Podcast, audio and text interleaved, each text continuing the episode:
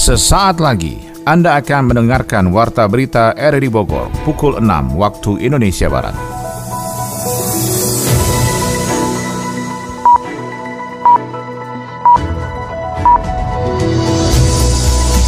Selamat pagi dan salam jumpa. Kembali kami hadir dalam Warta Berita edisi hari ini, Selasa 17 Oktober 2023. Siaran kami bisa Anda dengarkan melalui audio streaming RRI Digital pada perangkat Android Anda dan bisa Anda dengarkan juga di audio on demand di Spotify, Anchor, Portal, dan Google Podcast.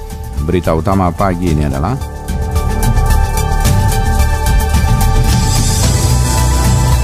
MK akhirnya menolak tiga gugatan uji materi batas usia minimal calon presiden dan calon wakil presiden.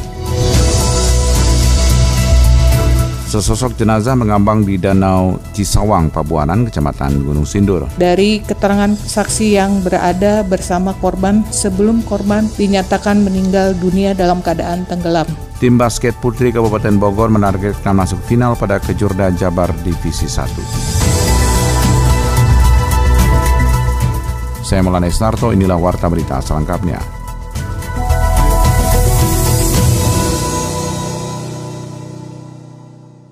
MK menolak tiga gugatan uji materi batas usia minimal calon presiden dan calon wakil presiden dalam Undang-Undang Nomor 7 Tahun 2017 tentang Pemilu dan atas putusan MK ini syarat usia minimal seseorang untuk mencalonkan diri sebagai presiden atau wakil presiden tetap 40 tahun. Sebelumnya perkara nomor 29 garis miring PUU 21 Romawi garis miring 2023 diajukan oleh kader sejumlah kader Partai Solidaritas Indonesia PSI pada 16 Maret 2023. PSI meminta batas usia minimum capres-cawapres dikembalikan ke 35 tahun. Sementara itu dalam perkara nomor 55 PUU 21 Romawi garis miring 2023 yang dilayangkan pada 17 Mei 2023, sejumlah kepala daerah mengajukan petitum yang sama dengan Partai Garuda. Sejumlah kepala daerah yang mengajukan gugatan tersebut yakni Wali Kota Bukit Tinggi Erman Safar, Wakil Bupati Lampung Selatan Pandu Kesuma Dawangsa, Wakil Gubernur Jawa Timur Emil Elstianto Dardak, Bupati Sido Sidoarjo Ahmad Muhidlor dan Wakil Bupati Mojokerto Muhammad Albara.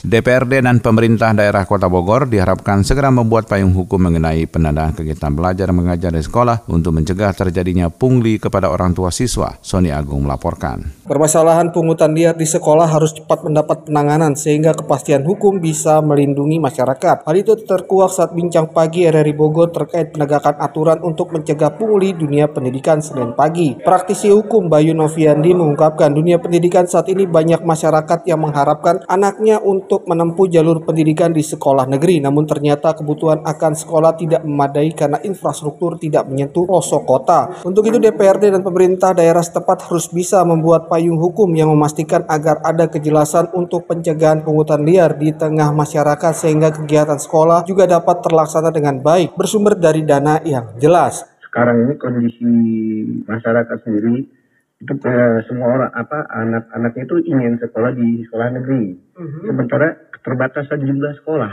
Ya kan akhirnya menciptakan kesempatan nih buat para mafia-mafia dunia pendidikan untuk mengambil keuntungan di situ. Nah jadi tahap awal itu mencegah apa yang harus kita lakukan untuk pencegahan?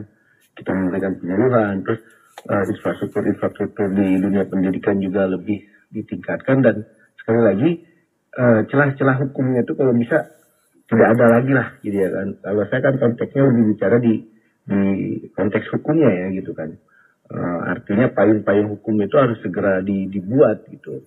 Dan sekali lagi saya apresiasi hari ini buat Polresta dan pemerintah kota yang apa uh, menindaklanjuti nih uh, dalam kasus pemilu PPDB kemarin ya saya. Menyikapi hal tersebut, Kabak Hukum dan HAM Pemerintah Kota Bogor Alma Wiranta menjelaskan saat ini sedang melakukan pembahasan peraturan wali kota yang akan mengatur standar operasional prosedur saat komite sekolah melakukan berbagai penanganan pembiayaan untuk sekolah. Pungutan kepada orang tua siswa tidak boleh memberatkan dan bersifat sukarela tanpa paksaan karena jika sudah menjadi paksaan dengan nominal yang harus terbayarkan tanpa adanya kesepakatan orang tua, murid maka sudah masuk dalam ranah pungutan liar dan bisa terjerat kasus hukum. Pungutan itu adalah suatu yang ditentukan. Ya.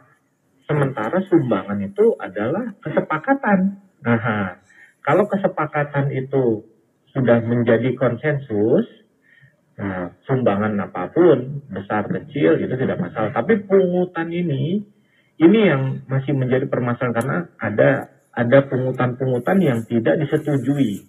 Kalau kesepakatan tadi sumbangan itu terkait dengan adanya kesepakatan para orang tua ya untuk e, membantu kegiatan ekstrakurikuler anaknya saya rasa itu tidak menjadi permasalahan dan perlindungan hukum pasti jelas karena ranahnya privat bukan ranah uh, pemerintah yang memaksakan. Yang membedakan pungut merupakan keharusan, kewajiban. Kewajiban. Kalau tidak dilaksanakan nanti ada seperti apa ya diskriminasi, seperti ada konsekuensi lain. Nah ini yang harus kita antisipasi. Kan berbeda untuk itu, bagian hukum bersama SKPD terkait melakukan edukasi kepada komunitas sekolah dan koordinator kelas Korlas agar bisa menciptakan dunia pendidikan yang sehat dan bersih dari pungutan liar agar peserta didik mendapatkan mutu pendidikan berkualitas. Dinas Ketahanan Pangan Kabupaten Bogor mendorong alternatif pangan jenis sorghum dalam menyikapi kemungkinan gagal panen akibat kemarau. Berikut laporan Adi Fajar Nugraha. Dinas Ketahanan Pangan Kabupaten Bogor mewanti-wanti kerawanan pangan pasca terjadinya gagal panen di sejumlah wilayah akibat akibat musim kemarau panjang. Hal itu disampaikan Kepala Dinas Ketahanan Pangan Kabupaten Bogor, Asep Mulyana. Asep mengatakan akibat gagal panen, ia telah memetakan potensi kerawanan pangan dan melakukan sejumlah upaya untuk mencegah agar dampaknya tidak semakin meluas. Ia menyarankan agar masyarakat pun cepat bergerak mencari alternatif pangan khususnya pada komunitas padi yang banyak mengalami gagal panen. Tentu akan mengurangi pasokan. Kalau pasokan berkurang otomatis kebutuhan warga juga akan tidak terpenuhi gitu. Mudah-mudahan mah yang gagal panen kemarin bisa ada langkah penanganan yang lebih baik dan lebih cepat gitu. Kalau langkah-langkah yang bisa dilakukan oleh masyarakat dengan gagal panen ini tentunya harus mencari alternatif. Alternatif pangan apa yang harus disediakan gitu ya. Karena memang padi ini kan berkurang gitu ya akibat gagal panen ini. Asep mengungkapkan pemerintah tengah mendorong alih pangan masyarakat dengan menanam sorghum sebagai pengganti dari beras untuk kebutuhan sehari-hari. Saat ini sosialisasi terkait pangan sorghum terus dikencarkan kepada masyarakat agar masalah pangan akibat kekeringan ini dapat segera teratasi. Kita juga lagi mensosialisasikan untuk program tahanan pangan ini di kantor dinas kita harus mencari alternatif pangan pengganti beras ini secepatnya karena ada sorghum, ada talas, ada singkong, tanaman umbi-umbian, ya itu kan sebagai alternatif pengganti gitu ya, seperti yang disampaikan oleh Bapak Bupati. Seperti diketahui seluas 27 hektar lahan pertanian di Kabupaten Bogor mengalami gagal panen. Hal itu disebabkan musim kemarau yang panjang disertai fenomena El Nino yang membuat sejumlah daerah mengalami krisis air. Pemkap Bogor pun terus berupaya melakukan penanganan terhadap wilayah terdampak kekeringan dengan menyuplai air bersih untuk kebutuhan masyarakat.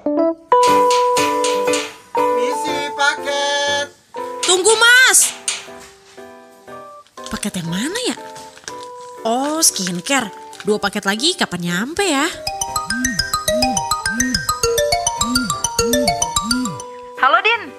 Diskon nih, buy one get one loh. Beli gak? Ih, baru beli bulan kemarin. Tapi mayan sih ya, bayar satu dapat dua sepatu. Cus deh. Ibu kos ngechat lagi. Bayar kos bulan ini jangan telat ya Din. Aduh, mana uangnya udah dipakai buat liburan. Hidup itu murah, gaya hidup itu yang mahal. Pilihannya, kita yang mengendalikan uang atau uang akan mengendalikan kita.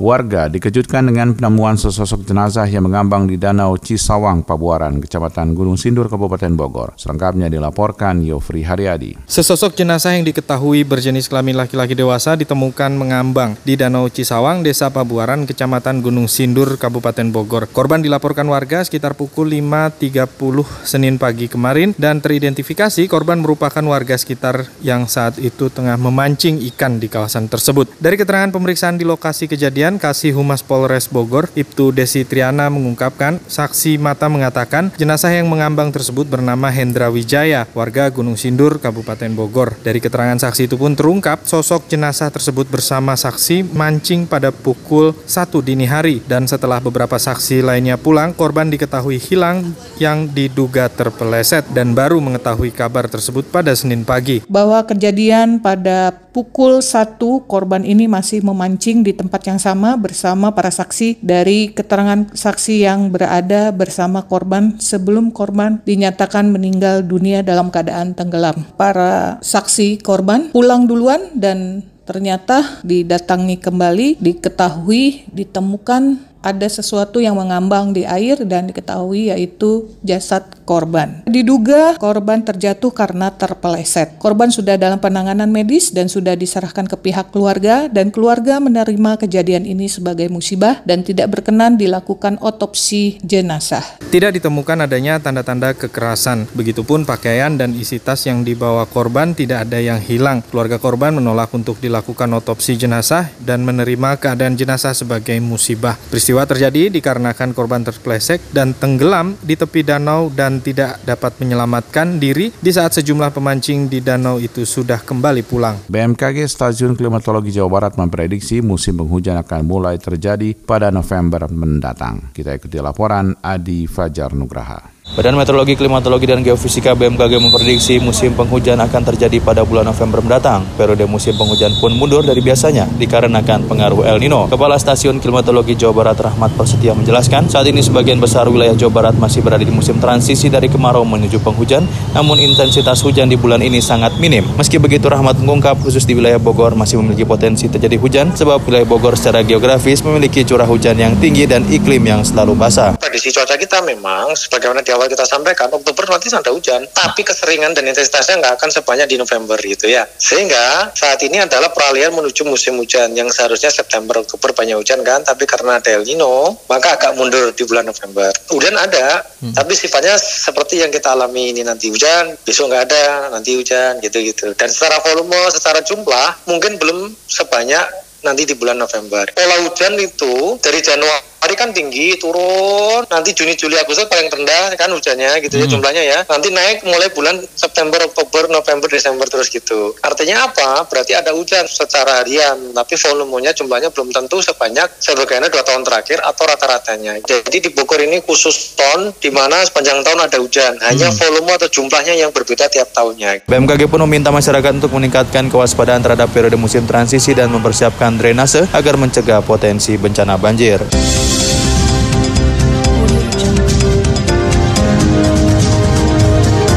Anda tengah mendengarkan Warta Berita RRI Bogor. Kita ikuti berita ekonomi dan kali ini informasi ekonomi selengkapnya kita kembali bersama Adi Fajar Nugraha. Badan Pusat Statistik BPS memprediksi luas panen jagung nasional pada tahun ini mencapai 2,49 juta hektar. Jumlah itu turun 280 ribu hektar atau 10,03 persen dibandingkan tahun 2022.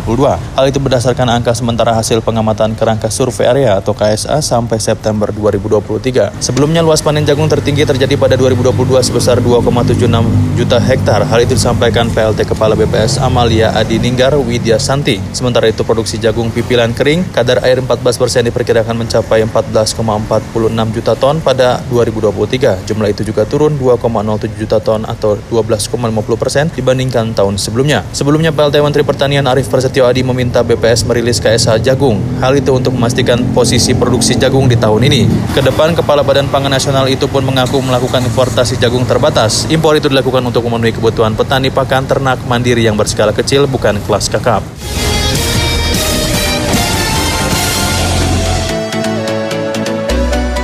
Berita olahraga, Persikabo U20 menahan imbang Barito Putra dalam laga lanjutan Elite Pro Academy di Stadion Mini Cibinong. Tim basket putri Kabupaten Bogor menargetkan masuk sebagai finalis pada Kejurda Jabar Divisi 1. Kita ikuti laporan Ermelinda.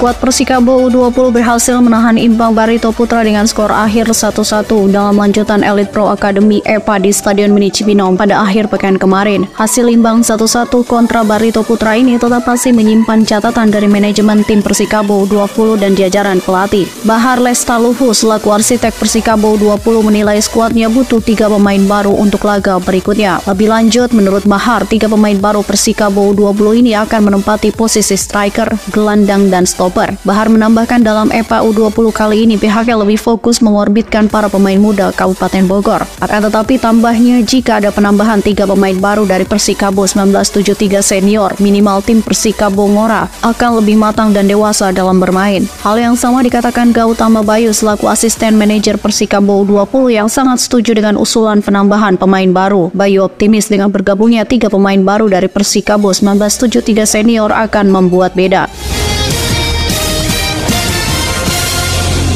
Tim pelatih bola basket putri Kabupaten Bogor tengah mempersiapkan 12 atlet untuk tampil pada kejuaraan daerah kejurda bola basket Jawa Barat yang rencananya akan berlangsung di Subang mulai 12 hingga 19 November 2023 mendatang. Pada kejurda bola basket Jawa Barat 2023, tim putri Kabupaten Bogor masuk dalam divisi 1 Jawa Barat. Hal tersebut berdasarkan hasil pada Pekan Olahraga Daerah Porda Jawa Barat tahun 2022 lalu. Hal itu dikatakan pelatih bola basket putri Kabupaten Bogor Mabruri Wijaya. Namun yang pasti pasti menurut Mabruri, tim basket putri siap bertanding di ajang kejurda Jawa Barat pada Divisi 1. Sementara itu, manajer tim bola basket putri Erik Setiawan menambahkan target tim putri pada kejurda Jabar Divisi 1 kali ini yakni masuk sebagai finalis.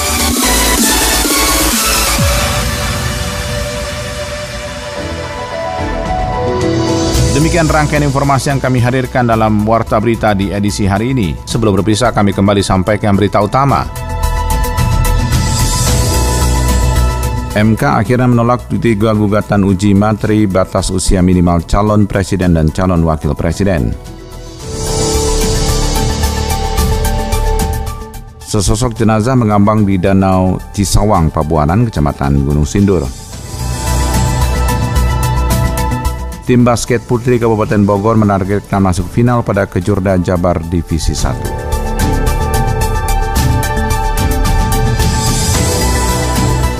Mewakili kerabat kerja bertugas, saya Maulana Estarto mengucapkan terima kasih. Selamat pagi.